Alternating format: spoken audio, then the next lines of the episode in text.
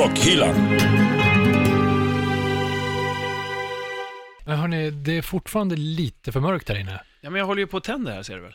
Mhm. Värmeljus, massor. Ja, bra. Vänta, nu ser jag listan också. Ja, plus ett fullt med kandelabrar som ska tändas här alldeles strax. Men blir inte det lite pråligt? Nej, det är klart. mysigt. Kör, nu kör vi. Ja. Okej, men, men du André, där har du någonting som inte är med på listan. Ja, men det är en stor kittel som jag har tagit med mig. Men vad ska vi ha det till? Men vi ska göra en kopp te lite senare tänkte Mm, jag vad killar. Ja, eh, okej. Eh, Danne, kuddar att sitta på? Jajamän, jag har stora fluffiga kuddar här Mm. som du kan sitta på. Mm. Eh, eh, Perfekt. Eh, groddoft? Eh, här. Oh, Åh. mustigt. Eh, på, något, på något sätt. Men, men vad fan den här? Är Katten då? Vad fan är katten? Här, vänta, här är den ju! Så! Aj! Achoo! Är du allergisk? Ja, gluten. Välkommen längst bak i bussen. Ja, där sitter vi. Välkommen till Rockhyllan 99 med Tack. mig Anders Hafslund. Varsågod Anne McKenzie. Och, och pastor André, eller? Ja. Ja, det är den 18 september 2018 när vi ska ge oss in i ett väldigt speciellt avsnitt. Ja. Vad ska vi snacka om? Jo, vi ska prata om okult okultism Mm. och eh, vad det innebär. Det är mycket där och likaså vad det innebär att vara en häxa. Just det. Och så ska vi såklart prata om eh, okult musik. Hur kom det okulta in i musiken och i rocken? Och för det finns ju rätt mycket i vår fina värld som har tagit sig an det här eh, temat, kan man ju säga. Vi ska även prata om seanser och eh, andevärlden. Och sen ta sig in i nutiden, hur man eh, kan använda häxkonster i vardagen. Alltså hur du som lyssnar kan använda Ja. häxkonst. enkelt. Vi får ett par handfasta Tips. tips faktiskt, som man kan använda i vardagen. Ja. Som är häxkonst. Jävligt ballt. Så kommer vi ställa frågan också sådär nu eh, efter förra programmet som var valspecial. Så här, kommer våran gäst kunna tala om eh, vem som blir statsminister? Mm. Mm. Så eh, ja, vi ska väl göra så att vi rullar igång det här okulta avsnittet och det blir faktiskt väldigt mycket snack och väldigt mycket trolldomsverkstad. Rockhyllan med Haslund, Mackenzie och pastor André.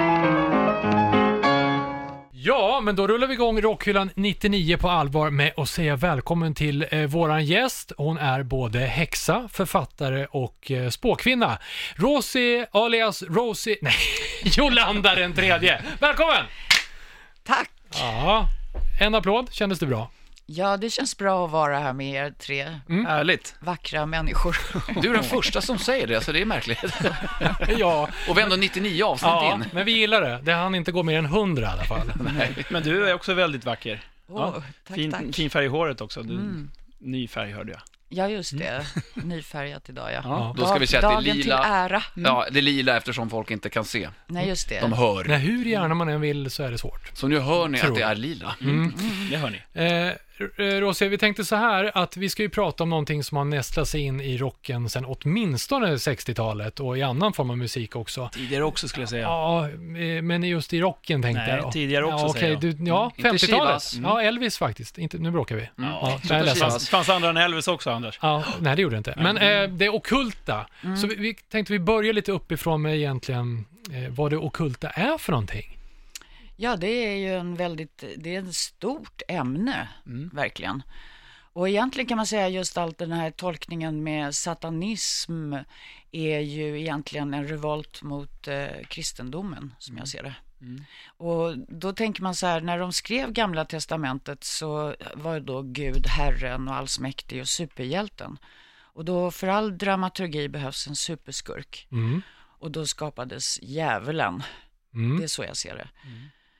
Men, Ja, men, men det, det där har jag blivit lite förvirrad av. Alltså satanism och det okulta. Jag, jag tänkte att det inte var riktigt samma sak, men att det hängde ihop på något vis bara. ja, nej det är inte riktigt samma sak. Man kan säga om, man, om vi då går in det okulta då, om vi tar kabbalan då, som är då Toran, som är hebreiska Mm. urkunden, Mm. kan vi säga som då är förbjudet för kvinnor och bara tillåtet för män som har fyllt 40 att lära sig om. Det är ju ett kosmiskt livsträd. Wow, nu plingade din mungiga, André. Förlåt.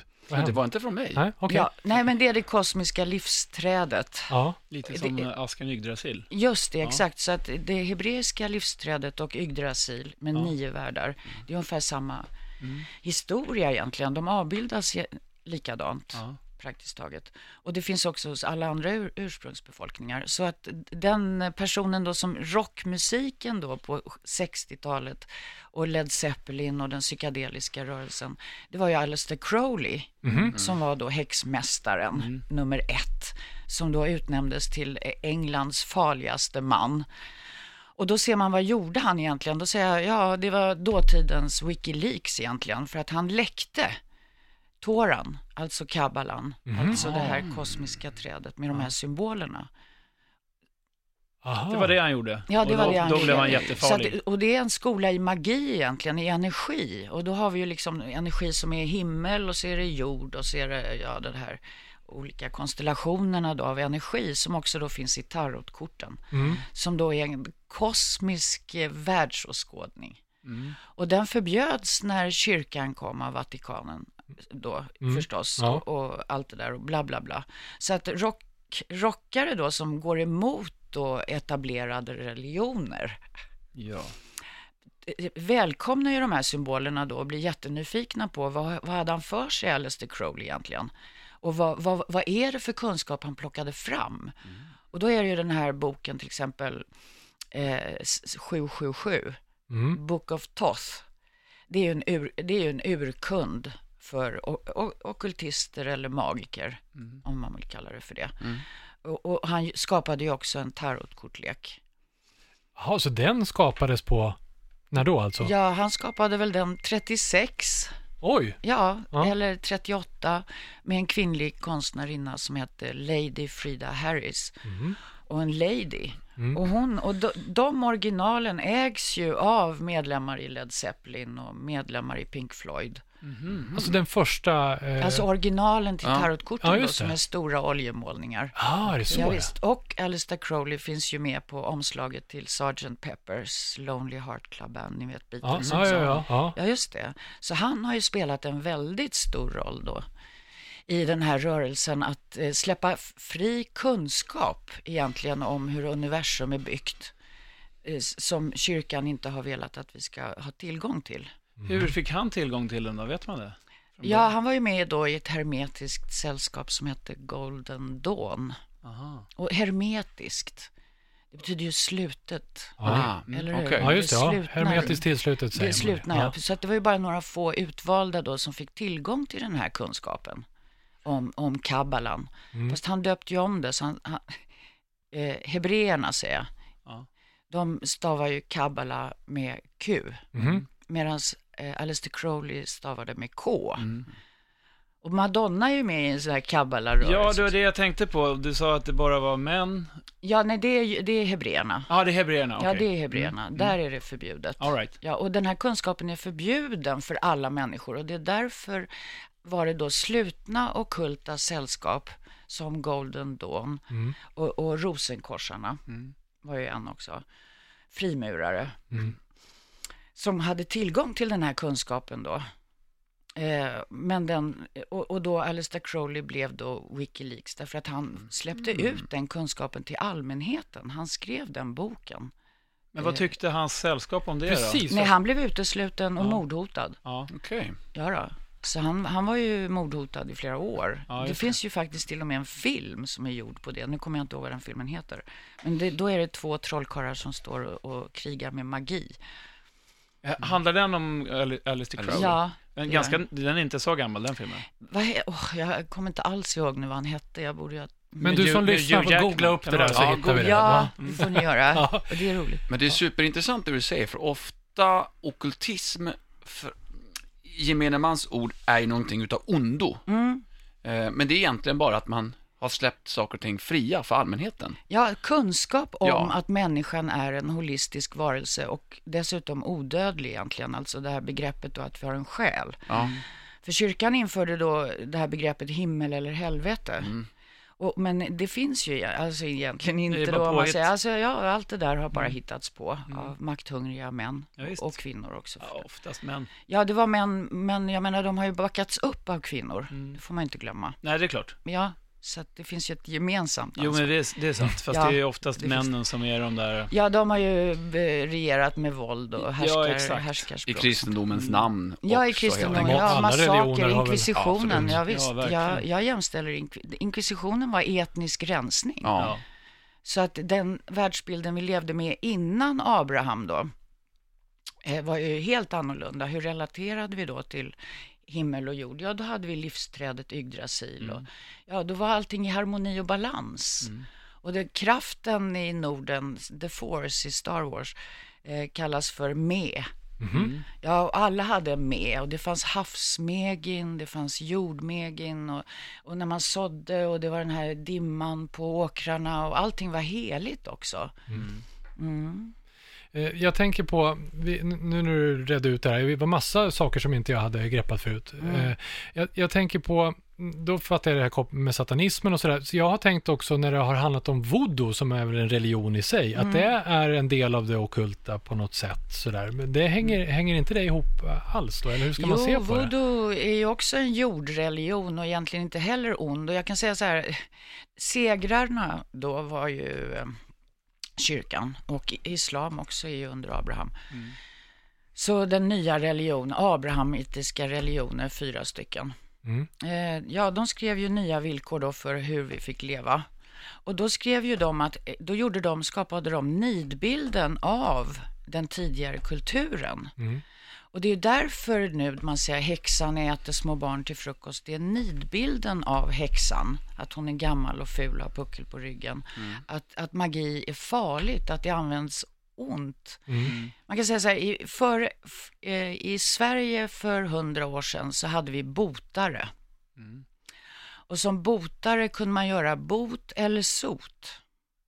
Mm. Sot lät inte lika bra. Nej, så att, jag menar när man lär sig, när man går i magiskolan, då lär man sig först grunderna, precis som egentligen jedi. Mm.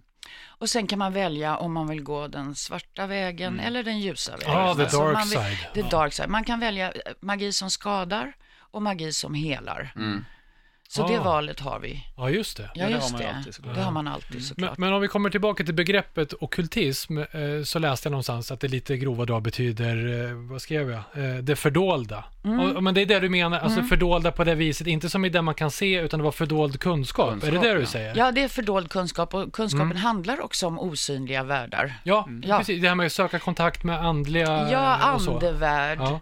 Det finns ju, alltså det finns ju demoner faktiskt kan man säga och änglar eller demoniska varelser och eh, vampyrer och sådana där saker. Det, det finns, men om vi inte ser dem så kan vi inte, då är vi hjälplösa. Så många människor faller offer för eh, mardrömmar, alltså vanföreställningar och underliga grejer. Jag såg faktiskt igår kväll på tv den här filmen Flickan, mamman och demonerna av Susanne Osten. Okej. Ja, den är, hon fick jag pris för den för två år sedan. Ja, det har jag inte sett. Nej, alltså den är så bra gjord så det är inte klokt.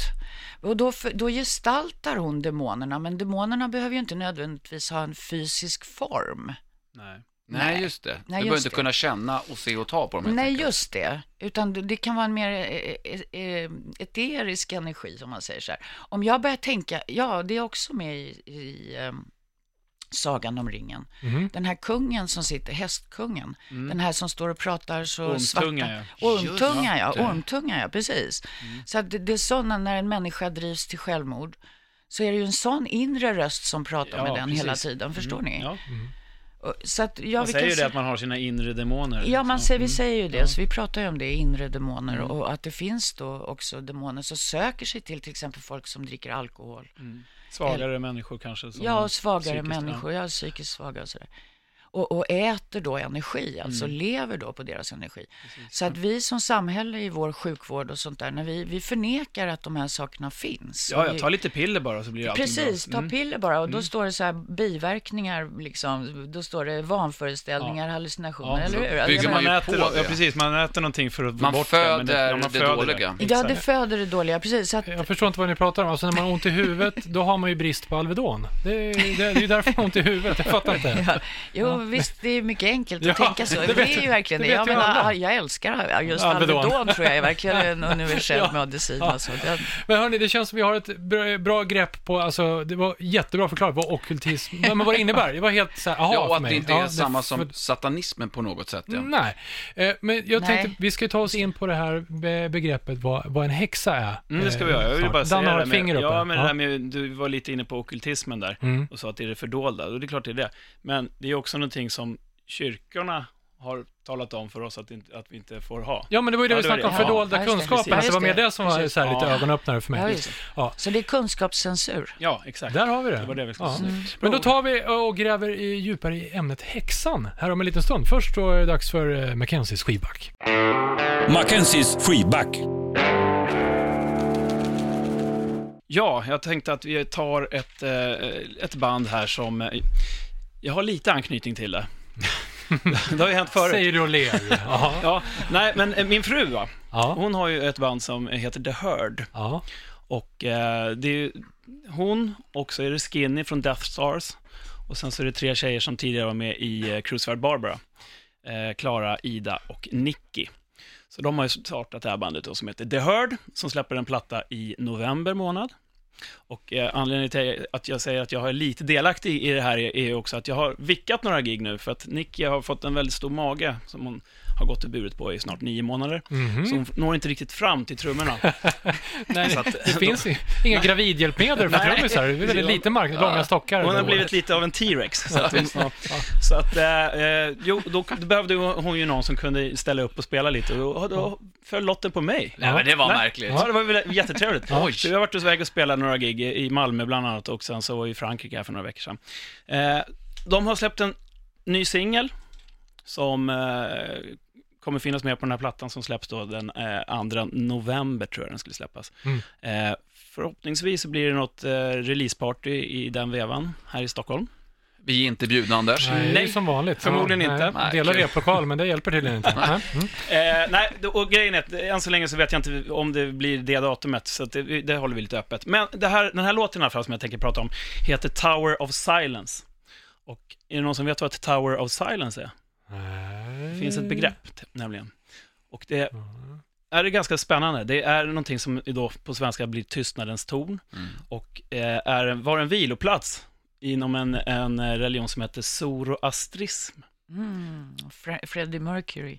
Han, han, det är det möjligt. Ja, För den finns i, i eh, Indien och den finns där jo, men han lite- begravdes ju med sådana präster från... Är det sant? Zoroaster. Då kanske han låg i ett Tower of Ah. Silence. För det som händer är att när man dör i den här, inom den här religionen så läggs man upp i ett, to- i ett torn, högt upp någonstans, innan man sen blir jordfäst. Och det som händer när man ligger där uppe, det är ett öppet torn. Så att alla lik ligger liksom i det här öppna tornet. Och så kommer asgamar eller andra fåglar och petar köttet, äter upp Ja, köttet. ja, ja, okej. För att sen, eh, så när, när man lägger ner, eh, då är det bara ett skelett kvar. Är det för att själen ska komma ut? Eller något? Nej, egentligen så, så är det, det här är ju en eh, religion som finns där det oftast är ganska, Mycket gamar. nej, ja precis, det är väldigt torrt i marken. Så det, som handl, det, han- det handlar om att de ska liksom äta upp, istället för att gräva ner, de kunde inte gräva så djupt eftersom det är så torrt i marken. Ah. Och då blir ju, när, när de ligger, då, då tar det ju väldigt lång tid innan de blir uppätna av eh, vad det nu är, Ja, just det. maggotar och så vidare. Nu ser jag på omslaget här som du har framför här. Att det är det är ett sånt där torn och sen är det två gamar som flyger där uppe. Och, Ja, och en som är precis. lite fotobombar. Det är ett bilden. kretslopp nästan också. Ja, precis. Så att, alltså, så man, man la upp sina lik i det här tor- tornet, Tower of Silence, som den här låten handlar om. Så du kan ju höra en liten eh, skvätt på den då. Höj då, Anders. Fegis-Anders.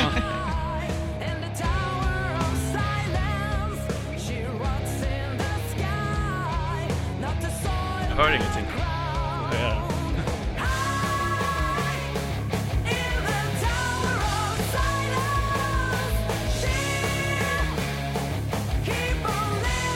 Kör lite till bara. Snyggt. Ja.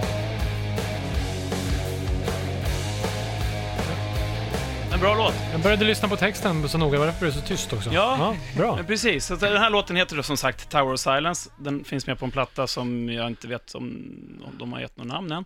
Eh, hur som helst så är det en konceptskiva också. Och det är lite roligt. Det handlar om en ö ute i skärgården. En ö som är hemsökt. Mhm. Så att, Usch. eh, ja, Det, som händer det mycket. passade bra på temat det här. Ja, precis. Eh, låten som sagt, Tower of Silence, släpps den andra... Nej, den här finns som singel, men skivan släpps den 2 november. Ska vi säga Spotify och eh, YouTube? Ja, där kommer den finnas. Följ och lyssna. Ja. Toppen. Rockhyllan med Havslund, Mackenzie och pastor André. Tillbaka till det ockulta. Det känns som vi har varit där i alla fall. Men det här är Rockhyllan 99 med mig, Anders Hafslund. Danne McKenzie. Och pastor André. Och så har vi besök av Rosie eh, alias Jolanda den tredje, sa jag utan att eh, stamma den här gången. Ja, Ja, som är både häxa, författarinna och spåkvinna. just det. Tre hantverk som jag ser det. Ja, Mm. eh, ska vi stanna vid ett av dem? Vi tänker, alltså häxa är ju ett sånt här ord som är... Mm. Ja. Det finns så mycket i det. Laddat. Laddat. Ja, det är det är ett laddat ord. Så när folk frågar mig, är du häxa? Så säger jag så här, ja det beror på vad, vad du menar med häxa, Mm. Säger jag då. Ja, för det kan vara, det är ju ett skällsord om man vill. Alltså, Ja, just det, så att hon det- var en jäkla häxa liksom, det är ju inget Ja, och snällt. det är när de säger bitch på engelska så översätts ju det med häxa på svenska. Det är ju tråkigt också. Ja. Bitch, det är ju egentligen babe in total control of herself. Oh. Där ser man. Så witch is the woman in Ja, total control. exakt. Ja, de har vuxit upp lite Ja, grann. just Ja, det. vad snabba. Vicka, vad ska det stå för då? Nu släpper vi det. Ja, Eh, Men, hur skulle vi säga, vad, vad är häxa då? Om vi ska ta tillbaka begreppet till vad det är. Häxkonst som jag kallar det. Mm. Eh, Det heter ju på engelska witchcraft. Så craft, det är ett hantverk. Och då lär man sig om eh, himmel och jord och då finns det, ja det är ett annat eh, sätt att resonera. Det är ett annat synsätt på verkligheten än vad människor nu i allmänhet får leva med. Måste man inte besitta förmågor också då? För att få kalla sig häxa, tycker du? Eller? Jag, jag säger så här att om lusten finns, om man, är lust, om man har lust och man är nyfiken, då kan man bli häxa. Okej. Lust och nyfiken på vad då? Ja, livet. på, hä- på häxkonst. Ja, säga. Ja, så då säger vi så här, första ceremonin i häxskolan är att krama ett träd. Alltså det låter ju lite underligt kanske. Men då är det trädet som livsträdet som vi var inne på förut. Det kosmiska livsträdet med nio världar. Och då har det rötter ner i jorden och så har det grenar upp i himlen. Och då är vi människor också. Vår, träden är våra närmaste släktingar säger man på häxspråk. Vi har rötter ner i jorden och ar- grenar, armar upp i luften. Så vi är mediatorer mellan himmel och jord, Mm. kan vi börja med så. Och sen tar man då in elden och så finns det då den inre elden. Och jag säger så här, magi är läran om energi. Mm. Så när man, man kan säga att det är som att manipulera energi också till och med. Och, och så är det så här att allting som är skapat har intelligens. Alltså växtriket, en blomma har en intelligens, ett träd har en stor intelligens, eh, molnen är intelligenta, vinden är intelligent, elden är intelligent. Och så finns det, så det går att kommunicera. Så det handlar väldigt mycket också om att kommunicera. Jag kan kommunicera med en ekorre. Och alla djur har olika krafter till exempel. Och häxan har då ett kraftdjur eller flera kraftdjur. Varje enskild häxa, Ja, ja. Och då, och så att då samarbetar häxan med vargen eller kråkan, örnen, ormen och ja, vad, vad ni än vill. Så att jag säger så här att magi och häxkonst, om, när man börjar med magi och häxkonst, då upptäcker man att det finns inte bara salt och peppar och krydda maten med. Det finns alla andra möjliga kryddor också. Så att världen öppnar upp sig och blir fullständigt levande, intelligent, kärleksfull och humoristisk. Men, Men hur Ja, men förlåt, det finns ju du- grillkrydda vill jag ju säga. Men hur tänker du när, när du säger att eh, allting som är skapat har en intelligens? Vad, vad innebär det? Ja, jag menar att en hare till exempel har en, sin intelligens. Jo, det förstår jag, men ett moln? Ja, ett moln, ja, då kallas det för det heliga molnfolket. Okej. Och jag var faktiskt med om det. Min kollega Madame Oily och jag, vi jobbade på Mosebacke torg. På Reorientfestivalen. Mm. Och det bara regnade och regnade och regnade. Och då tog hon och jag varsin, och då var det många utställare där som hade tält och sådär. Och hela festivalen höll på att regna bort. Och då tog hon och jag varsin kvast och så gick vi ut och så ställde vi oss och så sopade vi bort molnen. Och alla andra som var med på den här mässan eller festivalen stod utanför Kina och såg oss. Vi stod där. Nu sopar vi bort molnen, nu vill vi ha in solen, nu sopar vi bort molnen. Och molnen verkligen flyttade på sig och solen kom fram.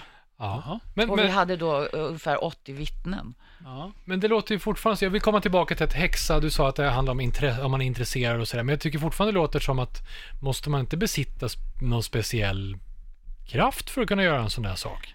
Jo, jag tror så här ju naturligtvis. När jag var fem år, Mm. då har jag ett minne av att jag dansade i fullmånen ute ensam på natten i ett vitt nattlinne och sjöng. Mhm. Jag är ett spöke, jag är ett spöke.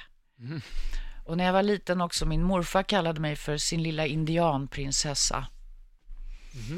Ja, så jag har ju alltid, jag har alltid varit dragen åt det hållet. Så du har haft någonting medfött på något vis? Ja, som du det har jag. Ja. Och när jag kom till London som 19-åring så mina vänner shoppade och hade sig. Men jag träffade en, en spåkvinna i Kensington Market som jag hängde hos hela dagarna. Jag var där tio på morgonen när- när hon öppnade och, och tills hon stängde.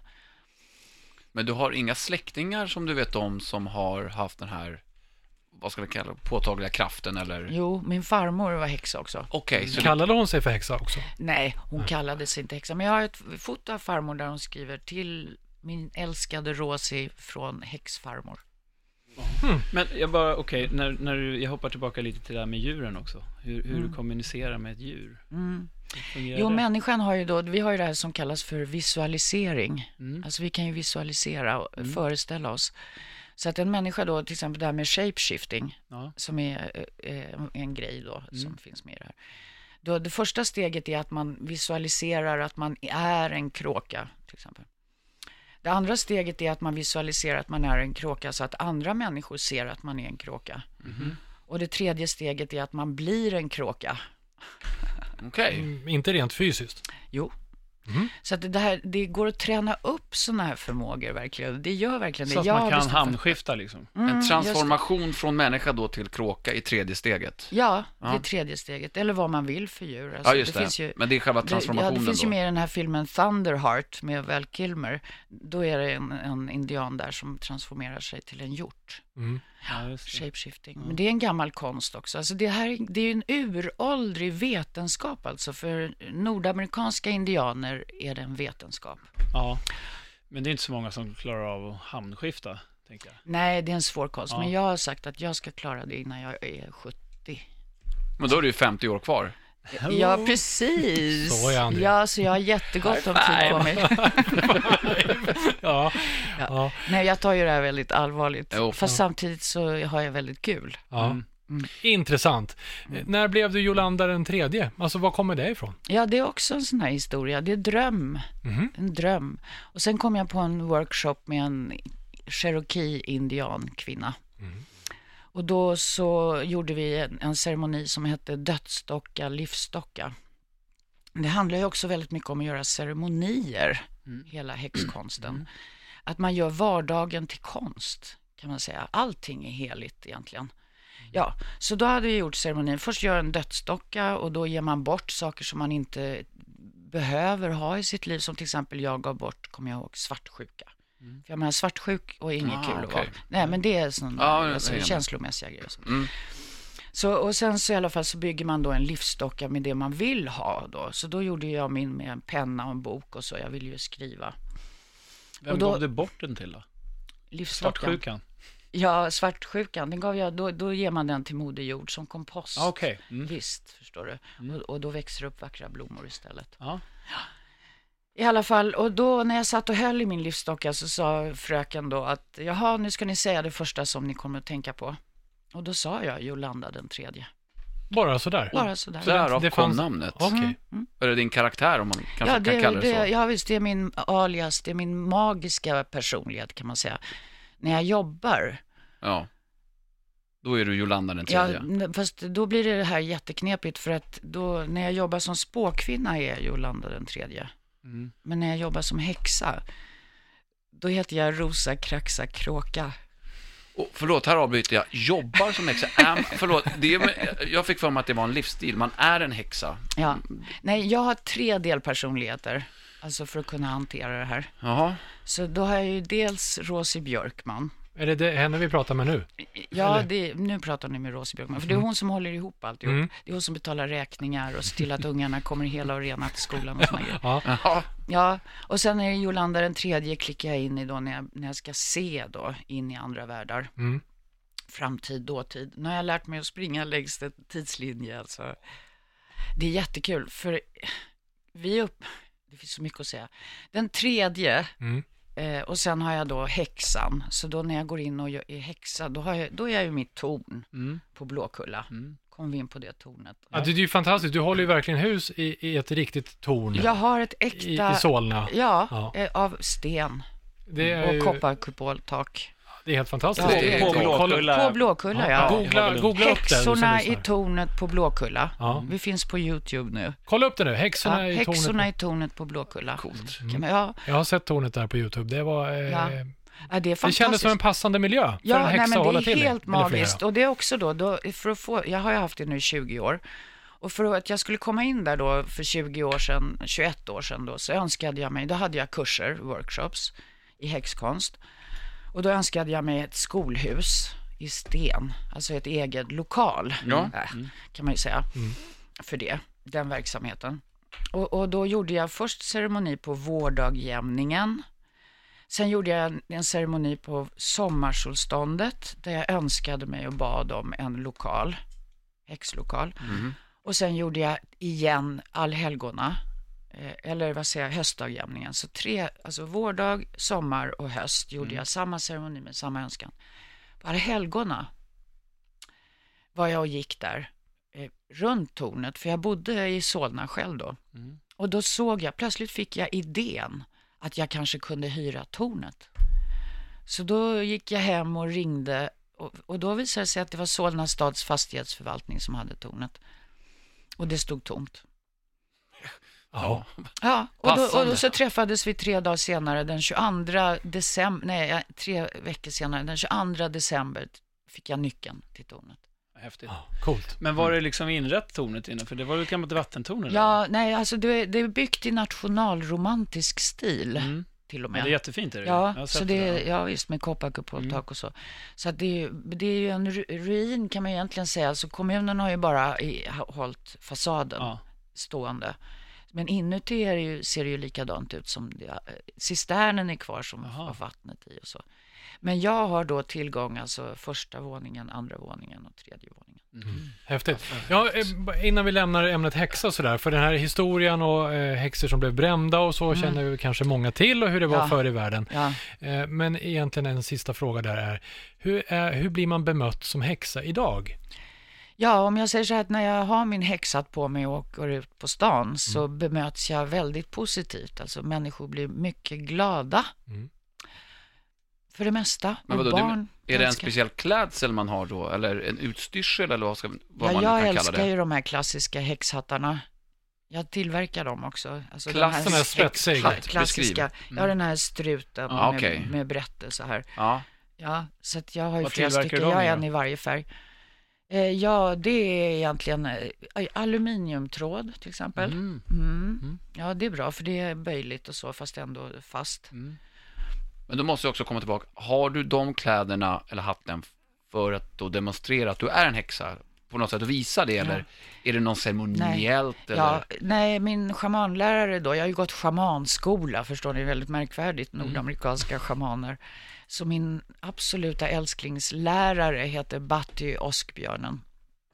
Men han säger så här, when you wear a hat, no one can fuck with your intent. Ja. Klokt. Ja, det var fan klokt. High five där. Ja, det är bra. Men det kanske får sätta punkt för den här avdelningen. Vi har massa mer intressanta grejer vi ska snacka om. Det kommer, vi har lyssnarfrågor och vi har allt möjligt. Jag tänker på så här, kanske om det finns häxkonst man kan använda i vardagen till exempel. Det kan vi ta eh, lite längre fram. Vi ska in på det här med okult musik en liten sväng. Som vi har varit inne på i början. Vi tar det efter Anders albumspår. Anders albumspår. Hörrni, eh, inför det här avsnittet så tänkte jag så här, ja men det finns några band som jag kunde tänka mig att jag skulle spela, apropå det okulta. Sen i veckan som gick här så klev jag in i en skivaffär i Palma på Mallis. Och gick runt och tittade. Och direkt var det ett omslag som bara, ha! Det tog bort alla de idéerna jag hade. Bara, där har vi den. Nu tänker jag hålla upp det skivomslaget här. Så får ni se vad, varför jag tyckte det då. Eh, vad- Gone Boogaloo. Gone Boogaloo, ja. Och där ser vi en eh, herre med en gitarr. Han sitter lite grann som Robert Johnson, tänkte jag. Och så har han corpse paint. Ja, säga. han är ju sminkad som en dödskalle. Och så har han en pipa som bommar ut. Jag tänkte lite, det är både voodoo och det kändes så här. Det där är tidig corpse paint. Det här är något, eh, så jag tänkte, vad fasen, det här liksom på 30-talet borde det väl vara. Eh, något, något, något sånt där. Han låter CW det, Stone det, King. Det är ändå en eh, elgitarr han har. Mm, nu börjar du analysera här det jag inte gjorde i skivaffären. Eh, ja, Danne har ett eh, mer kritiskt öga än vad jag hade. Anders bara, det är 1200-talet! Ja, precis. för Han har ju nämligen en elgitarr. Och hur mycket Robert Johnson sålde sin själ till djävulen på, där på 30-talet, eh, Crossroads, så fick han ju ingen elgitarr även om han blev kung på att spela gitarr. Va? Eh, till priset av att hans själ gick åt skogen. Det här är som en blandning mellan eh, ja, Screamin' Jay, Danne som du har haft med dig, och Tom Waits som vi har haft med oss båda två. Väldigt bluesigt. Men det är ju inte 30-tal, det är ju 2014. Ja, så pass. Eh, och eh, inspelningen är, alltså det här är mer true än alla hipsters surdegshotell tillsammans. Vi har ju haft, gjort ett program eh, om producent, med, om, Om produ- surdegar, producenten och surdegare. eh, och då pratar vi om allt från autotune och pålägg och eftereditering. Jag tänker läsa nu på det här baks, baksidan här. Det tar bara en halvtimme. Eh, den här skivan tog alltså honom ungefär sex år att producera fram i huvudet, men han hade två dagar att spela in live. Utan några pålägg eller efterbearbetningar. Bara med hjälp av två mikrofoner. Eh, en gammal eh, Capitol Records Tape Machine använder de. Eh, varje sång mixades live. Eh, genom att eh, man placerade bandmedlemmarna olika långt från mikrofonerna. Så man ville man, förr i tiden helt Ja, enkelt. så ville man ha mer bas, då flyttade man fram ståbasen lite närmare. Och körsångerskorna fick liksom luta sig fram när de körade och handklappningarna väldigt svagt så inte det skulle gå över. Ehm, och eh, inga så här, han sjöng faktiskt i en gammal sovjetisk radiomikrofon. Mm. Mm. Sånt där superorganiskt verkligen. Så jag stod och läste på fall, det här är ju asballt, den här måste jag, den måste jag ha. Sen, eh, eh, vad fasen var det mer? Mm, han använde ju en eh, förstärkare till gitarren som han hade köpt för 40 dollar som brann upp också. Så det slutade med att de tog en filmprojektorrörförstärkare från Nya Zeeland eh, som hette Kelvin. För gitarren då alltså? Ja, precis. Ja, Istället okej. för den som brann upp. Istället Ja. för den. Och, eh, Det här vill jag ju höra nu. Ja, men vi, ni måste ju höra här. Nu kommer han då. CW Stone King. med En låt som heter The Zombie. Amerikansk? Eller? Vad, vad har han för bakgrund? Lyssna på hans röst. Vad ser du för en man framför dig? Jamaica. En jamaican, ser Rossi, vad säger du?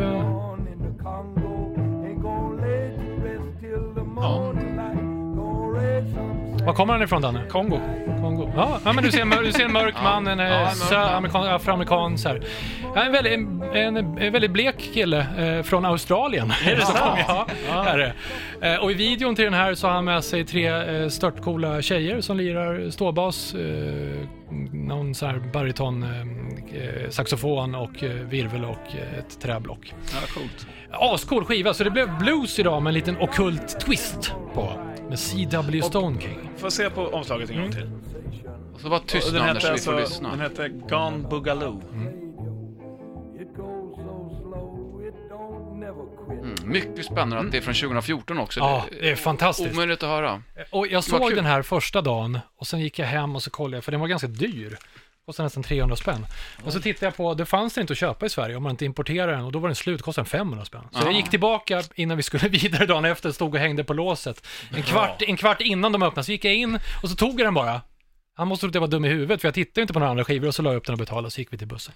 Så så var det. CW Stone King eh, kommer med The Zombie i Spotify och YouTube. Rockhyllan. Det låter som Bob Dylan. Ja, det gör det. Det här är Rockhyllan 99. Vi ska fortsätta med det ockulta och tillbaka lite till musiken. Jag säger tillbaka för att Rosie, du var ju så bra som tog upp det här med Alistair eh, Crowley Crowley. i början. Så vi egentligen, för en av funderingarna var så här, varför vi tror att just rocken tog till sig det ockulta. Och det har vi egentligen varit inne lite grann på. Eh, men, men det finns ju massa band eh, som har det här ockulta i sin repertoar, om man säger. Och lyssnar man på de här lite äldre och just musikmässigt, så det, det är ju inte särskilt otäckt. Det är som en barn, eh, Du tänker. Black Sabbath och Ozzy Osbourne och Ja, fast det kan Fast jag ändå innan tycka att det det också. finns... Alice Cooper. Ja, men där kan ändå finnas lite tyngd och, och så, med ganska Ja. mycket. Mot de här andra, men jag har ett exempel, Black Widow, som hade Come to the Sabbath. Det här känns som ett lite barnprogram. Ja, Fast de sjunger Kom till sabbaten, Satan är där. Där har vi... en mässa, en högmässa. Sen kommer det någon trött flöjt där också, den gillar jag inte riktigt. Djävulens eh, Lite sån där instrument. hokus pokus med fokus som du och... Ja, men det gillar jag. Ja, det gillar du. Ja, det kanske... men det- Frenetiskt mässande. Ja, där, lite grann sådär. Vi Kom har till ju- ja, Satan Black där. Widow. Jag vet, Danne, du tog ju fram ett... eh, det här är ju fint. Det här är också lite... Oh, cool. Vad heter den här låten? Jo, den heter Satan Takes a Holiday. Nej men, heter inte bandet du lirar i precis samma Jo, sak? men precis. Ja, det var därför du la in det. Ja, två, jajamän. två band avverkade idag. Men det här är faktiskt eh, upphovet till att vi heter så. Okej. Med, Det här är väl John Cully, men Ja. det, finns, det är många som har gjort den här låten. Men, även med brusare. Ja, verkligen. Mm. Knaster. Men Anton LaVey har gjort en riktigt creepy version på den här. Det är han satans Ja. eh, kyrkan. Ja. Just det. Uh, ja, men, alltså, och sen precis det här med Black Sabbath och, och allt det där. Jag tror att många av oss känner till den ockulta delen kanske. Det finns ju hur mycket band som helst. Om om man ska kolla, alltså nästan alla rockband känns det som att de har flirtat lite med det här på något vis. Och även Kiss. Jag menar deras sminkning, eh, kanske Ja, i alla ja. fall demonen. Mm. Sen vet jag inte om katten var så läskig. Och Starman och...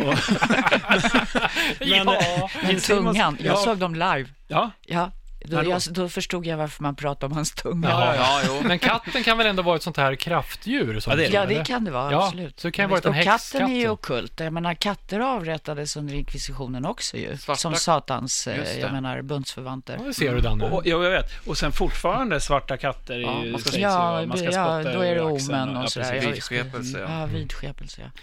Men, men, eh, och sen så har vi i modern tid, då, bara för de här sista banden eh, framme som nu mycket på tapeten, men Ghost sista åren, som känns ganska rituellt och sånt Ja, där. verkligen. Men gissa varför jag började lyssna på Iron Maiden kan jag ju bara säga. Det är Mm. också ganska ockult. Baklänges Mm. eh, budskap Ja, men på och- den tiden, alltså man kollar deras omslag och allting och det är Eddie och det är, ja, men text, texterna var också rätt ockulta. Mm. Ja. Men ja, nu hoppar Ja. jag tillbaka lite där, men Ja, ja, men visst, ja, men jag förstår ju det. Och sen, men just det här med ritualer, det var ju det jag var inne på. Ghost har ju en låt som heter The Ritual till och med. Ja. Eh, och, och då tänker man på Rosy och så här, ritualer och seanser och sånt där. Det är Mm. Ja. väl en stor del av det ockulta eller häxkonsten, eller vad hör det hemma någonstans?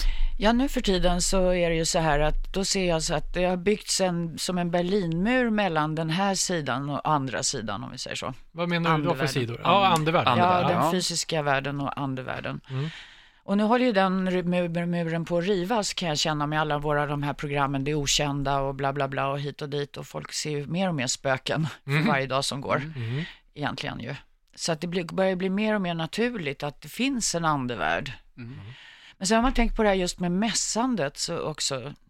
Så kan vi tänka att det är som affirmationer då på ett modernt språk, att man upprepar en och samma sak om och om igen Ett mantra. ett mantra, precis som ett mantra. Och sen när man vill komma i rätt stämning, för det är också mycket det det handlar om. Om man vill skrida, vill man vill göra, och man gärna klä på sig någonting vackert, kanske om man gör vackra häxkonster som jag. Och det är härligt att få skrida och vara helig och få mässa lite så här. Men vi har ju mera, mm, jag menar på, där jag jobbar, vi är mer mm, häxanarkister egentligen. Att inte följa så mycket så här att nu måste man göra så eller nu måste man göra så. Mm. Utan vi skapar vartefter enligt impulsen som kommer i ceremonin. Men om jag till exempel vill prata med min döda farmor, Mm. så då sätter jag fram ett glas bananlikör till henne, för hon älskade bananlikör. Och så bjuder jag in henne, farmor, kom och, kom och prata med mig. Och då kommer hon. Och då kan jag sitta och faktiskt ha ett samtal med henne som jag har med er nu. Och min farmor är ett himla trevligt spöke. Hon är ett sånt här jetset-spöke faktiskt. Visst? Det finns sådana. Nej, vad innebär det? Ja, det innebär att hon kan sitta, hon älskar att vara i Paris på modevisningarna. Hon sitter flyger första klass. Fram. Hon flyger första klass, hon bor på alla topphotell i världen och hon umgås. Det finns ett helt gäng jetset-spöken som åker runt och träffar varandra i Monaco. Men har man fri, har man åkband på allting på andra sidan, menar Ja, du? det kostar inga pengar. Nej. Det är det som är så himla bra. Min farmor hon behöver bara tänka, nu är jag ung, så är hon ung. Om en resa då? Behöver de bara tänka Ja. att hon är i Paris? Ja. Hon behöver inte ta, liksom, ja, men följa med på kan ta- flyget? Hon på kan följa sätt? med på flyget om hon tycker det är kul. Okej. Så att det Men- finns... Då Kan- lever man alltså på andra sidan, i andevärlden. Ja, jag säger så här, livet tar inte slut när vi dör och det säger jag att det är den största upptäckten för mänskligheten på 2000-talet, är att vi inte dör när vi dör. Vad händer Det är när bara vi dör? din kropp, alltså Kroppen verktyget som är då kroppen som Mm, går vidare. nordamerikanska indianer igen i shamanskolan, de säger, de kallar det drop, drop the robe, släpp klädnaden. Ja, det är bara badrocken som är kvar. ja, precis. Den fysiska kroppen släpper man och sen är andekroppen Men menar du att man är kvar där på andra sidan i all evighet som den personen? Kommer Rosie vara på andra sidan Nej. som dig själv? Nej, som mig själv i alla tider, som mig själv som jag har varit i alla mina liv. Min schamanlärare nu, Batjoskbjörnen, Mm. han säger att eh, nu ska vi komma ihåg så många tidigare liv vi kan, för vi ska inte vara rädda för döden. För nu, vad kyrkan har gjort också, det är att de har skrämt upp oss för döden jättemycket. Så alla är livrädda för att dö, så alla klamrar sig fast vid livet och bara pumpas fulla med mediciner och ni vet hur det ser ut. Mm. Så att bara kunna dö i frid, som du var inne på också. Och, och släppa kläderna, då är det så, de är nordamerikanska, de här cherokee-indianerna, de får då en vision att nu ska jag dö om tre år typ. Och då blir de vegetarianer, för det är lättare att lämna kroppen om man är vegetarian. Jag har ju varit vegetarian hela mitt liv. Ja, men det Kommer inte bli något svårt alls Nej, det Kommer inte dö eller? Nej, kom- Nej, nej. Och, då, och då så släpper man och så går man upp och så säger de genom kronchakrat här, och då, alltså toppen på huvudet, fontanellen kallar vi. ja. Och då på Hopi-indianerna till exempel så växer inte fontanellen ihop. På oss är den ju mjuk när vi föds, för det är där själen går in i kroppen. Och den kommer in i mammans mage, enligt de här teorierna då, så kommer själen in i mammans mage mellan eh, femtonde veckan upp fram till fullgången, alltså Graviditet. Graviditet. Ja. Så att till exempel jag kunde ha kommit in i min mammas mage bara tre veckor innan jag föddes. Aha. Ah, okej. Så att, i den här, ja, så att det, finns så, det är ett helt annat sätt att tänka och resonera kring. Men, men som, som du ser det med din, med din farmor där, Mm. när, om du får kontakt med henne. Menar du att det är din farmor i den formen som hon har varit i alla sina liv? Inte bara som hon var som din farmor? Nej, precis. okej. så, utan då är hon en vis ande. Ja, det är först då hon är medveten om det, men i sitt Ja. liv här då är man oftast inte medveten om det. Nej, just det. Ja, okej. Precis. Men då så, kan hon välja att vara den här jetset-personen? hon kan det, precis. Min farmor är så lekfull, för hon var inte, hon sa när sista åren hon levde, så sa hon, vet du Ros, jag umgås mer med spöken nu än med levande. Aha. För hon hade sin man, sin mamma och pappa och så, folk hon älskade hos sig, som spöken. Aha. Men är det bara du som häxa som kan prata med henne och höra henne? Eller kan alla göra det när hon väl är på plats, så att säga? Ja, nej, då är det bara jag som hör henne ju. Och sen håller jag ju på att träna. Jag har ju lärjungar, om man säger faktiskt. Eh, olika Mm. eh, unga eh, Ja. människor, både män och kvinnor faktiskt. Mm. Så då försöker jag- vi försöker ju träna upp de här sinnena. Det är ju sinnen vi tränar upp. Det är en lyhördhet. Alltså, och igen i schamanskolan så har varje människa fem öron och tio ögon. Så vi har hjärtöra till exempel. Mm. Hjärtöga. Så att med hjärtörat kan vi höra. Och vi har ögon i händerna och öron Mm. och så vidare. Så, att, och vi, så vi människor, min, min schamanlärare igen då, alltså säger, vi människor är rymdskepp, Mm. fast vi tror att vi är traktorer. Och dessutom har vi backen i. Okej, ja, det ja, jag förstår ja, liknelsen. Ja, just det. Ja. Ja, speciellt nu. ja, ja. jag tycker jag med den här, som det ser ut i... Men äh, bara han inte, pratar du högljutt, alltså normalt, eller är det en inre dialog du för då med farmor? Eller andefarmor? Ja, nej, ja, precis. Det är telepatisk, Ja, skulle jag vilja kalla det för. Precis, det är telepatiskt. Så Ja. telepati också använde människor förr i världen innan. Nu har, vi, nu har vi så mycket tankar i huvudet ju. Den inre dialogen är ju red Avstängd. alert, red alert. Ja, men och alla MTV och bla, bla och i. Så att det tutar ju upptaget i skallarna på oss. Vi kan inte höra någon annan människa. Så att i mitt jobb också som spåkvinna så är det ju att vara tyst själv. Var tyst inne i mitt huvud. Mm. Och det kräver träning. Mm, och då det. måste jag, jag, jag tränar ju som eh, en timme om dagen för att hålla mina liksom, förmågor vid liv. Det är mindfulness-träning på något det sätt. va? kallas det nu för Ja. tiden, ja, på modernt språk. Ja. Så att vi har ju fått då mantra, visualisering, Mm. affirmationer, mindfulness. Så det är lättare nu att kommunicera med människor om det jag håller Ja, på just med. det. Andrea, nu har ju vi en lyssnarfråga som passar Ja. jättebra som jag vet här och det är just det när du, när du träffar din, eller tar kontakt med din farmor. Mm. Eh, Just det. Vem hade vi fått in den ifrån? Vi tittar Det här på är från Kim som har hört av sig. Eh, Gulp. vi ska se ett par stycken. Ja men det var ju det här, om, om man ser, Ja, just det. ser dem... Kan, alltså ser du de döda på andra sidan, eh, eller andar, om man nu ska kalla dem, i färg eller är det svartvitt du upplever de här? Ja, det är en intressant fråga. Men det är inte svartvitt. Men se- ser du dem som en fysisk, som, som din farmor? Ser du henne som om... Alltså till en början så kan jag se, jag kan ana att hon är närvarande. Jag kan känna mer än se kan man väl säga. Ja, okej. Ja. Och sen ju mer En närvaro, förlåt. Ja, närvaro. Ju, ju mer jag känner närvaron, ju mer kan jag se henne. Alltså ju mer form tar hon. Så det blir inte riktigt som... eh, Och man kan hålla koncentrationen och fokus. Mm. Det är också A och O. Vara tyst själv, kunna ta emot någon annan tanke Mm. Som kommer utifrån och sen så kunna ha kvar koncentration och fokus. Så man inte börjar tänka på att åh, nu kommer jag för sent till bussen i morse, jag hoppas jag inte kommer för sent imorgon också. Och sådana där tankar Ja, som kommer in. Mm. Då, då bara puff, då är det ju borta. Men eh, om man tänker på det här med andar och runt omkring och så, sånt där. Det har jag ju tänkt någon gång så här, om någon gammal släkting ser alla och betraktar mig vad jag gör just nu. Det vill man ju kanske inte alltid. Nej, men det här rummet är fullt med, jag menar här inne, du, du, det är som Big Brother faktiskt egentligen. Berätta. kanske- Berätta nu Rosie. Nu får du berätta. Ja, där står en, där sitter en, där är en, här är en, här är en. Fan, vi har ju varit nakna i 99 avsnitt nu och vi har inte varit själva. Nej. Men oftast är det ju folk som älskar en. Mhm. Jag menar, om man, om- man inte mår dåligt och får huvudvärk och sånt där, eller huvudvärk kan ju vara för att man inte har druckit tillräckligt med vatten naturligtvis. Mm. Men om man börjar känna obehag eller så här, "Åh", och man får rysningar och så, då kan det ju vara någon som är, inte vill en väl. Nej. Men om du skulle liksom betrakta det du säger här, om du säger att det är andra här inne just nu, då antar jag att du skulle behöva kanske- Fokusera, Ja, inte bara skulle så jag, här, nej, nej, det, nej, precis. Jag Mm. kan inte bara, nej, för att då, det skulle ju vara som att jag har hundra Ja.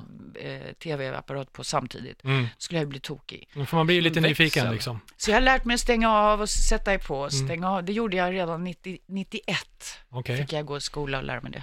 Men det var då du lärde dig det första gången, eller har, har du känt sånt här tidigare? Har du råkat ut för någonting när du var mindre Ja, jag höll ju på med, och, alltså Alistair Crowley träffade jag i- 84 Jaha, redan. ja, blev han introducerad i mitt liv. För Okej. då började jag se andar överallt.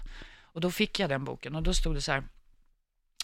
Då slog jag upp på sidan 71 i boken Magic in Theory and Practice. Och då stod det Elden renar. Mm. Och sen så skapa en cirkel av eld. Så då tände jag ljus runt rummet där jag var och sen så försvann. Och sen blev jag eh, pank och olycklig. Och då läste jag i den boken, då, när han var pank och olycklig, då åkte han till England. Så då tänkte jag, okej, då åker jag till England. Så då tog jag, två ungar hade jag och så åkte vi till England. Och där träffade jag ju psykedeliska rörelsen, den här 80-tal, mitten på 80-talet, rock'n'roll. Jag turnerade med ett band där som heter Ring of Roses. Jaså? Sjöng du eller? Nej, jag var, jag var fan. Ja, okej. Eller jag var flickvän. Aha. Ja, Ja. flickvän. Så sen tänkte jag att jag skulle bilda ett band, The Girlfriends. Men nu har jag ett band som heter Häxorkestern. Jaha, Ja. vad fränt. Ja, ja det är kul. Ja, Ja, det är här. roligt. Jo, men så Alistair Crowley, och när jag var första kvällen i London, jag gick ut, så kom jag till en klubb som hette Alice in Wonderland. Mm. Då var det ju Alistair som hade skickat mig till London. Alltså, jag menar om man tänker så. Mm. Gett mig idén. Just det. Så då satt jag på den här klubben, Alice in Wonderland, och då satt jag i Batcave. Och så såg jag en aura på en kille som stod några meter bort. Och då började jag använda en metod som Alistair Crowley. Så jag började dra honom till mig med ett osynligt lasso. Så jag satt så här och tittade. Jag tittade ju inte på honom eller så här, utan jag satt och la la la la la. Men jag visualiserade att jag drog honom till mig. Så fem minuter tog det, satt han bredvid mig. Det är säkert, han var från Nya Zeeland, hade sån här zoo-frisyr, alltså var sån här punkrockare med tatueringar. Och så, så viskade han i mitt öra, Have you ever made love to Aleister Crowley? Jaha. Det var det första han sa till mig. Wow. Eller hur? Ja. Och han hette Raven och han hade Lizard Cult. Jaha. Vad är det då? Ja, det är Aleister Crowley också. Jaha.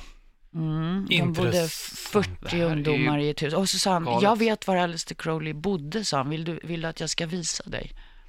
Mhm. Och så började vår vänskap. Och han hette Raven. Ja, det är ju Ja, mycket bra namn. Alltså, mycket förstår bra ni? Ja. Hette han verkligen det? Ja, han hette verkligen det. Men det här, du har ju också eh, för, förnimmat ett raggningsknep. Ja, det där med lassot, Ja, ja. ja, ja man kan verkligen, dra till sig folk. Ja, ja, ja, ja. Vi det kan man ju- göra, absolut. Man kan visualisera, jag lägger ett lasso kring henne. Jag testar på jag Anders. drar... Nej, sluta! Vi, eh, vi lägger det till avsnittet vi hade faktiskt med Henrik Fexeus här om kroppsspråk och han Ja. pratade om raggningsteknik. Så vi liksom lägger det till de teknikerna så Okej. har man ännu en till Ja, i, i sin eh, palett. Mm, ja. Innan vi avslutar det här med seanser, för vi har faktiskt ganska många lyssnarfrågor också som vi ska ta här om en liten stund. Så det här med seanser, jag pratade med min farsa igår eh, och nämnde det här eh, om vad vi skulle göra idag. Och då sa han på en fest vi hade hemma när jag var liten, då var det en herre där i, som frågade på kvällen. Han var väldigt intresserad av det här ockulta. Så han så här, nej, ska vi framkalla djävulen? Farsans svar var, ah, vi kan ta det en annan gång. Så han, vem som helst, men inte just djävulen, tänkte han. Nej. Inte ikväll, vi tar det en annan dag. Men tänk vad upptagna men- de måste vara, de här djävularna. Ja. de, jag tänker på änglarna, Gabriel och sådär, vad de måste vara jobba hela tiden. Ja. Alla bara kallar vi. Det är värre än Nej. tomten liksom. Ja. Men Hörrni- bara innan vi går vidare, jag måste bara fråga. Kom för- ditt finger igen. Ja, precis. Men när, i seanser, om man eh, skulle ha, vilja ha en seans med dig Mm, till exempel, hur går man tillväga? Ja, då, jag, jag, jag, jag, är inte just, eh, vad ska man säga, specialiserad på att ta kontakt med spöken åt folk. Okej. Nej. Men Men, du då och då spår i kort i alla fall, någon. Ja, jag Ja. spår i kort, ja precis. Så jag gör läsningar då. Ja, just det. Mm. Readings. Ja, reading som Ja. det heter nu för tiden. Och vad innebär det då? Ja, då, då tystar jag min inre dialog och sen blir jag ett redskap för den här andra människan. Jag ser det egentligen som att den från dens undermedvetna skickar till mig mitt undermedvetna och så berättar jag det. Ungefär som en radio, eller man spelar in och sen kommer det ut i andra ändan. Eller så, här. så att för mig är det rätt så naturligt egentligen. Det är på konsten att kunna lyssna på någon annan människa. Verkligen. Men hur, hur, hur, jag tänker, hur mycket säger du Alltså lyssna på det som inte sägs. Ja, jag förstår vad du menar. Alltså att man ska... Man lyssnar på det som... Ja, man Mm. kanaliserar. Just det, precis. jag tänker, det skulle ju kunna vara så att du får fram saker som kanske inte är så roliga eller att det är hemskheter och så här. Hur mycket Ja. säger du i en sån här reading? Jag, jag är ju så här fegis egentligen, så så jag lindar in då. Så säger jag, men, men säg vad du ser egentligen nu då. Ja. Men jag ser, jag tittar mest efter det som kan stärka en människa och inspirera. Jag säger, det här ska vara för inspiration och helande. Så jag fokuserar inte och så ser jag här, jag kan komma varningar kan jag säga. Nu, måste, du behöver ta en månad time out eller något, Ja, du är på väg mot utmattning. Sådana saker. Men André, har vi inte vi svarat på en till fråga som vi har Jo, fått det in var av en faktiskt en lyssnarfråga, exakt sådär. Eh, hur långt, alltså gränsen, var går du från eh, kommande död och olyckor liksom, Mm. Ja. under en seans? Hur mycket kan du berätta, eller vill du berätta? Ja, nej, jag ser inte död. Nej, Nej, det, okej. precis. Jag fokuserar inte på det. Jag fokuserar på det som kan stärka och inspirera. Just Ja. Ja, jag vet inte hur det passar i sammanhanget med det ockulta här, men pastor André, ska vi ta och bikta oss lite grann nu i pastor Salm? Det är hög tid ja, då gör vi för det. detta. Pastorns psalm. Jolanda, det här är en fråga som riktas direkt till dig. Okej. Hur känns det att stå och tala med en pastor när du är en häxa? Ja, det, det är, Är det jobbigt? beroende på person. Ja, Det är det. Jag menar till exempel Caroline Krook. Hon och jag var ju faktiskt kompisar till och med. Ma Oftedal som är präst, hon och jag är kompisar på Facebook. Så, så, så det innebär att, Det är okej. Jag, Ja, det är jag. Det är okej. jag, Jag ville bara höra jag, är, ja, jag är ute efter försoning. ja okej, Ja. bra. För nu eh, ska vi klä på oss lite andra kläder tänkte jag. Mhm. Och det är med en dans av förlustelse och annat naket otyg som bjuds upp i pastorns psalm. Eh, där jag bjuder på en enkelbiljett till synd, skam och otukt. I folkmun är det även kallat paradiset. Ja, okej. Det är sidan 666 i psalmboken. eh, som är uppslagen. Jo då, för att det är Alltid. gott alltid i psalmboken. Wow. Ja, eh, där det bjuds på högljutt, eh, en mässa om högljudd betoning på världens ondaste folkslag som är förklädda i djävulens kläder. Och då vet ju ni som har varit med i Rockhyllan tidigare att det är norrmän jag pratar om. Ja, Ja, och det är världens ondaste folkslag och det är bandet Emperor. Eh, som faktiskt fortfarande är aktiva med att spela live, men de har inte släppt en platta sedan, nu ska jag tjuvtitta, eh, 2001. Så det är bra många år sedan. Men spåret som jag har hämtat eh, är redan från debuten, eh, 1994. Innan du sätter igång Andrea, Jag så vet sänkt. jag att många av våra lyssnare är oroliga och redan har sänkt volymen. Eh, som lyssnade förra avsnittet som fick sina trumhinnor inblåsta i mitten på huvudet. Det var en liten fadäs som inträffade här, att jag Okej. maxade volymen. Bra, då kan du som lyssnar höja igen nu till normal volym. Pastorn Sam är förmodligen lite ofarligare i början. nu. Nej, är ofarligare än inte. Men det går tillbaka till 94 års skids, skivsläpp In the Nightside Eclipse, alltså med norska Emperor. Håll i hatten! Här kan man höra hur skitigt och lortigt det är. På det allra finaste sättet.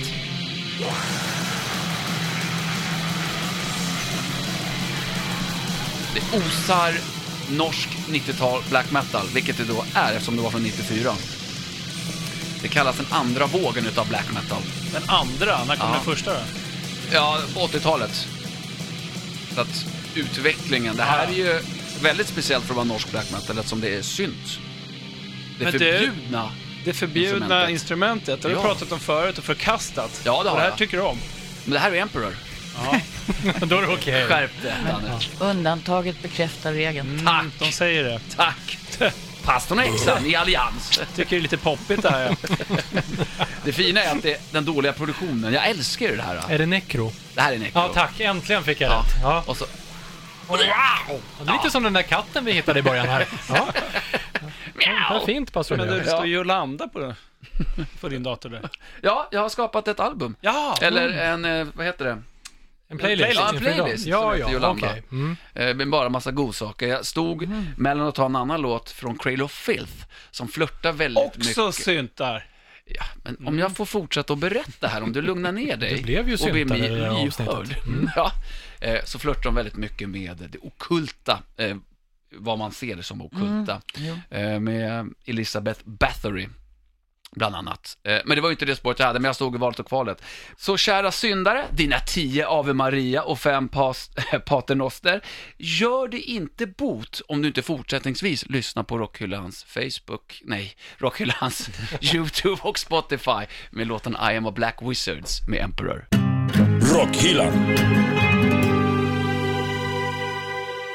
Rockhyllan 99 rullar en stund, vidare en stund till med mig, Anders Hafslund. Dana McKenzie. Och pastor André. Och vår fantastiska gäst, eh, Rosie alias Jolanda den tredje. Eh, alltså, det är ju en sak som både vi här i hyllan är intresserade av och eh, såklart eh, du som lyssnar. Häxkonst som man kan använda i vardagen. Finns det sådana Ja. saker man kan göra? Ja, det finns en otroligt väldigt vacker och enkel övning. Att varje morgon så vänder man sig mot solen och så tackar jag solen för den här dagen som ligger framför mig med allt vackert och magiskt och underbart den kommer innehålla. Det är en besvärjelse. Och det är en otroligt vacker besvärjelse. Även om man inte tror på det när man säger det. Man tycker det är en skitdag, jag har sovit dåligt och allting är bara åt skogen. Så, men om man säger det, jag tackar för den här dagen som ligger framför mig. Så ändrar man lite mindset kanske. Ja. Då ändrar man hela energin på hela dagen. Och sen när man går och lägger sig på kvällen så tänker man, wow, det blev ju ändå någonting som hände som var bra. Mm. Det känns som ett enkelt eh, Ja, tips att ta till sig. Och det är också till exempel när du lagar mat, för jag, hade en, eller jag har en kompis från Ryssland, en schaman från Sibirien. Och han då, det är det här med att baka bullar. Bakar jag bullar och är arg, så kommer min arga energi in i bullarna. Och då hade jag bakat bullar och varit arg och så, så kom han och så sa jag, vill ha en bulle? Och han bara, I won't eat that. Han såg det redan från Ja, början. han kände det. Eller var de brända kanske? Nej, nej. nej utan var, han visste att liksom, om jag äter den där bullen så får jag i mig arg energi. Så det är också det här att vara medveten när vi lagar mat och också tacka tacka till exempel kycklingen för att den har gett sitt liv för att mina barn ska växa och bli starka. Ja, och det är lite som indianerna gjorde. Ja, det är det. eller- Och, och, och, och tänka på det och att allting är heligt och att alla människor också är delar av en själv. Som de säger, Imla Kesh, du är en ann jag. Och också i filmen Avatar, jag, jag ser dig. Nu kan man koppla ihop sig med, med andra i Avatar. Ja, du kan det med din fläta verkligen. Ja, koppla ihop med. Jättefina alla flätor här. nu när du säger det här, just att man ska tacka och så vidare, så bara kom jag på Mm. ett ordspråk som jag såg häromdagen, som jag tycker är väldigt bra, och det måste jag säga nu. Och det, det handlar om jorden. Jorden tillhör inte människan, människan tillhör jorden. Mm. Just det. Det, kan man, det är tänkvärt. Ja, och det är också det att det är inte jorden som kommer att gå under. Nej. Det är mänskligheten i så fall. Ja, jorden Ja, kommer må Precis. bra om vi ja, försvinner. Ja, Men du Jolanda, besvärjelse en god, som du sa, är att man ska tacka solen. mm. Hur skyddar man sig mot en till exempel trolldom? Finns det sånt? ja och, och sånt håller jag på med. Då är, mina lärarinnor säger använd rökelsen, använd fjädern. Så man borstar auran, det kallas för andlig hygien till Ja, exempel. det där har jag sett när man viftar med en fjäder. Ja, fjäder och Ja. salvia. Salvia. Eller Mm. palo santo från Peru. Mhm. Så det är, använd örter, rökelse, borsta ut när du städar lägenheten, lägg en kristall i dammsugarpåsen, säg att du su- suger upp oro, stress, rädsla också. När du dammtorkar också, ha en vatten i vatten. Vad är det för kristall man ska ha? Ja, en vanlig bergskristall. Okej. Så man slänger sen då, eller kan man nej, nej, ladda den, den? återanvänder man hela tiden. Så det är bra återanvändning. Det hade vi ännu mer häxkonst i vardagen på något Ja, sätt. det var ännu mer häxkonst. i Behöver man vardagen. ladda upp Precis. den på något Och sen kan man, om man vill skydda sig, så finns det en sån här spegelceremoni, att man kan sätta upp en spegel mot alla åtta riktningarna då, på kompassen. Eh, Riktad ut och säga alla negativa energier som skickas åt mitt håll skickar jag nu tillbaka till avsändaren, men med kärlek Ah. och ljus, om man nu är en ljushäxa som jag är. Mhm. Annars så är det, skickar Annars man kan man skicka tillbaka med Oh. hat och uh, just hoppas han gör sig illa. Men The då är man side. dum i huvudet tycker jag, korkad, för då, det finns den här lagen som kallas för bumerangeffekten. 0 till 9 lagen. Allt du gör ut får du tillbaka förr eller senare. Karma. En rät linje blir förr eller senare söker sig tillbaka till sitt ursprung. Ja. Så då är man ju dum i huvudet om man önskar någon illa. Men du, jag bara måste återgå till den här kristallen. För om man då har sugit upp massa skit, Mm. Hur renar man kristallen sen igen? Ja, då sköljer man den i vatten Okej, bara det är egentligen det enda man enkelt. behöver Ja, enkelt. Man behöver inte ladda kan, upp den på något vis. Ja, man kan låta den ligga i fönstret i månljus och solljus. Just det, det brukar Ja. vara Mhm. Jolanda, jag kommer gå bort lite från eh, eh, vardagen, alltså hur man kan nyttja Mm. häxkonst och sånt där och gå tillbaka till hur det var när det var som värst i Sverige under de stora häxprocesserna. Mm. Eh, Från kanske 1400-talet och framåt då.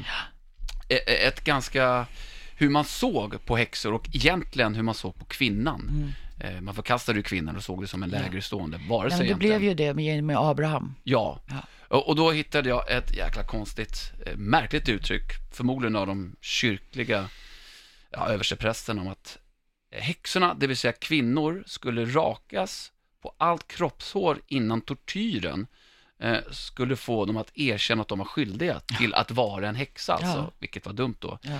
Eh, Detta för att det sades att djävulen gömde tortyrskydd i kroppshåret. Ja, det finns så många otäcka saker. Ja, Men vad, vad är det för bisarrt alltså? Nej, men det var en psykos. Alltså jag ser det som en kollektiv psykos. Ja, och jag bara förklara, då menas det så att häxor som var av ondo, kvinnor, hade någon slags skydd i, i kroppshåret som djävulen hade placerat där. Och därför kunde inte de känna tortyr. Nej. Och det var ju beviset på att de faktiskt var en häxa. Ja, Mm. ja, Och det grejen är att de hade ju att och, och man, en, en eh, bekännelse var inte sann ifall man inte hade torterat människan Ja, innan. just det. Och Ja, då- och så är det ju nu, Gutanamo. Mm. Så jag menar, vi, historien upprepar sig. Ja, ja, det är... Det, Ja. ja, Men jag tänkte gubbarna hade väl uppenbarligen skägg antagligen. Så de hade väl väldigt De hade ju mycket... tortyrskydd. Ja. Jo, men det var ju män. Men kung Kristian till exempel, den förskräckliga eller vad det hette, han gillade ju att vara med när de torterade kvinnor. Ja. Det var så jävla bisarrt. Han hade ju det bredvid slottet, ett, som ett kapell där de torterade någon varje kväll. Han gick ner och njöt av det. Jävla- Och det här med att få- reda på om någon var en häxa, eh, så band, släppte man dem i vatten. Och Man så band hade dem man- först. Ja, band dem och tyngder och det. Så sjönk Ja. de. Eh, Nej, de hade inga tyngder. För Nähä, att okej. Om man, om man sjönk, så då var man ju ingen häxa. Men Nej, då, då, då, då, blev man hedrad med en kristlig För man begravning. dog ju, Ja, alltså, man drunknade. och nej, flöt man upp, ja då var man ju en häxa och så brändes man då på bål. Så att det var ju, No var win in- situation där. ja det skulle man kunna säga. Ja, nej men det är så fruktansvärt allt som har hänt i inkvisitionen. Jag säger att det var en etnisk rensning Ja. och det var en hel kvinnokultur som brann upp. För innan hade vi ju den stora modern som skaparinna. Alla kulturer runt hela jorden hade den stora modegudinnan. Alla. Här i, i Norden hette hon Nertus, eller Hel. Och sen när hon skrev historien, då, Segrarna, så nidbildades de ju. Hel blev ju fruktansvärd och ond. Dödsgudinnan. det- Dödsgudinna. Men, men Ja, det är nordisk i nordisk mytologi. mytologi, Mm, det är det. för där finns ju Hel både som den onda, eller ja, onda, Fast hon hon, var ju nere i hon, nej, men dödsriket. hon, nej, ja, just det. Hon blev förpassad ner och vaktade dödsriket av de Just det. Kristna. Alltså, Var det så det var? Abraham. Mm, okej. Ja, så var det. Så att hela historien vi läser idag håller ju på att skrivas om. Precis som vikingarna till exempel, att de inte var så blodtörstiga och hemska och inte hade ens horn på hjälmarna. Nej, men det där är bara alltså- 1800-tals eh, Ja, nej, men vi håller på att skriva, ja men precis, så vi håller på att skriva om vår historia nu, vilket ju är lyckligt för de, många av oss som åtminstone har intelligens kvar. Det där med vikingar har vi pratat om med din eh, gamla ZTV-kompis va? E-Type har vi haft här och pratat om. Ja, om vikingar just. För ni gjorde väl tv ihop på 90-talet, eller hur var det? Det gjorde vi, vi Ja. fick vara med. Och då drömde jag att Jolanda den tredje ville vara med i tv, i ZTV. Mm. Och då var vdn för ZTV, hade var min stora systers ex-pojkvän. Ja, precis. Och då hade han varit i Italien och sett, där hade de en spåkvinna dygnet runt på en kanal i Italien. Och då visste han att jag hade min affär i Gamla stan. Så då ringde han mig och sa, vill du göra ett tv-program? Vad sjukt. Men, Men, du var kan det ju... i samma veva som du drömde om att du skulle vara med i Rockhyllan? Just det. Just Ja. det, det har jag också drömt För du var ju inte alls förvånad när vi hörde av oss. Du Nej, bara, jag, visste det, jag, jag visste det. Jag tänkte, åh vad kul att jag får vara med i Rockhyllan. Äntligen, det tog er ett par år. Jo, men det är det värt. Bästa på slutet, Ja, eller, ja. säga, eller senare i tiden. Vi har lite lyssnarfrågor. Eh, Ska vi ta någon till där innan vi börjar eh, runda av det här? Eh, Danne, har Ja, vi, du- ja. vi har ju faktiskt Nej, betat men, av eh, flera stycken. Ja, precis. Vi har redan gjort det. Ja. Ehm, Det kom in någon här om när satanismen och sånt där tog sig in Jo. i rocken och det har vi pratat om. Annars Och, har en jag- fråga om andar där då. Eh, Mm. eh, Kan, man, får du, kan du se både barn och vuxna i andevärlden? Liksom? Ja, jag bodde ju granne med Storkyr- eh, Norra Skogskyrkogården. Mm. Alltså det var ju så jag hittade tornet egentligen. Jaha, ja. Och, och där fanns det då, mitt första spöke jag lärde känna, hon hette Kerstin. Hon var bara 24 år när hon dog. Hon dog i barnsäng. Mm. Så hon tog hand om alla barn som kom till kyrkogården och var någon slags dagisfröken. Och, och en gång i månaden så kom det då någon slags karlavagn och hämtade upp de här själarna. Alltså, ja, jag såg sådana grejer när jag bodde där. mm. Mm. Men hon var kvar hela tiden? Kerstin, hon försvann sen till också. Hon, jag tror hon gjorde 20 års service. Mhm. Och sen fick hon sticka iväg också. Varför var hon tvungen att göra 20 år? Jag tror hon valde det själv. Mhm. Jag tror att vi väljer allting själva faktiskt. Jag tror att alla är sin egen skapare. Mm. Jag tror vi skapar våra egna liv, våra egna öden. Baserat på hur vi tänker och hur vi känner. Och jag kallar i min bok som jag har skrivit då, Jolanda den tredjes bok om tarot och häxkonst. Så kallar jag det för psykets arkitekt. Hittar man den på din eh, hemsida eller någonting sånt där? Ja, till exempel. Vad har du för man kan googla Jolanda den tredje.nu heter min hemsida. Mm. Får man sen- kolla in där? Ja. Och Jolanda med J, så att det inte Jolanda blir med. J, Jo, precis. nej, det nej, är väldigt nej, viktigt. precis. Som i Jonas. Ja, just det. J som i Jonas. Eller J som är Jolanda. Har vi någon avslutande fråga eller är vi framme? Nej, jag har fått läst upp de frågorna. Det har smygits in under avsnittets gång. Ja, Mm. men det här med att se in i framtiden är ju den sista, apropå förra programmet vi gjorde. Vi gjorde ju ett Ja. valspecial. Det handlade väl mer om valar i ärlighetens namn, Danne McKenzie. Men eh, Jaså, gjorde det? skulle man kunna se in i framtiden och se vem som blir nästa statsminister om man ville?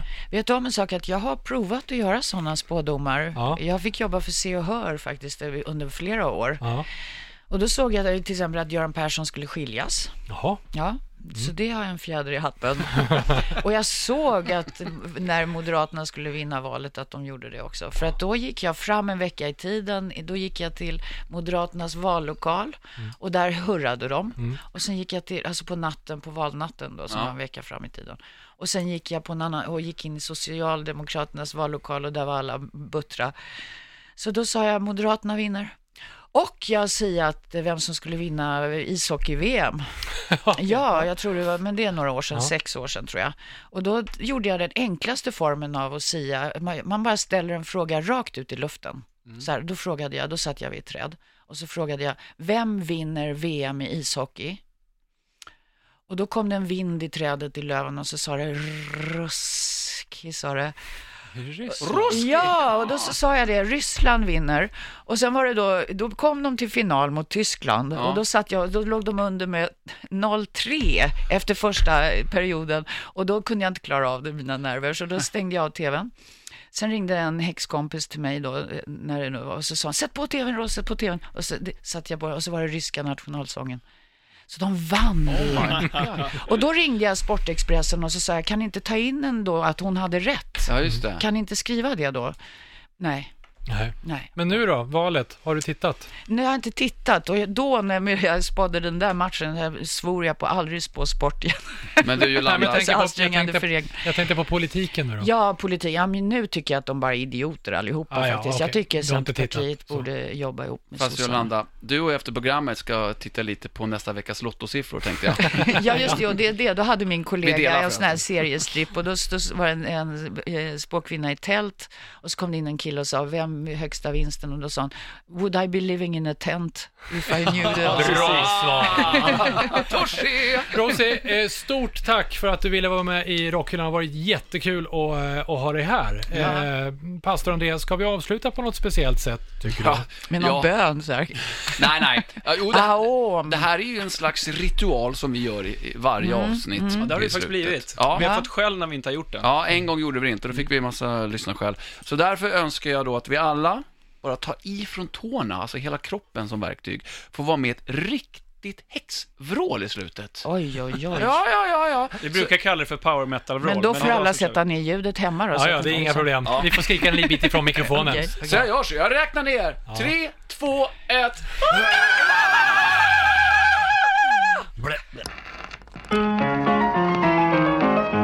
Rockhyllan med Haslund, Mackenzie och pastor André.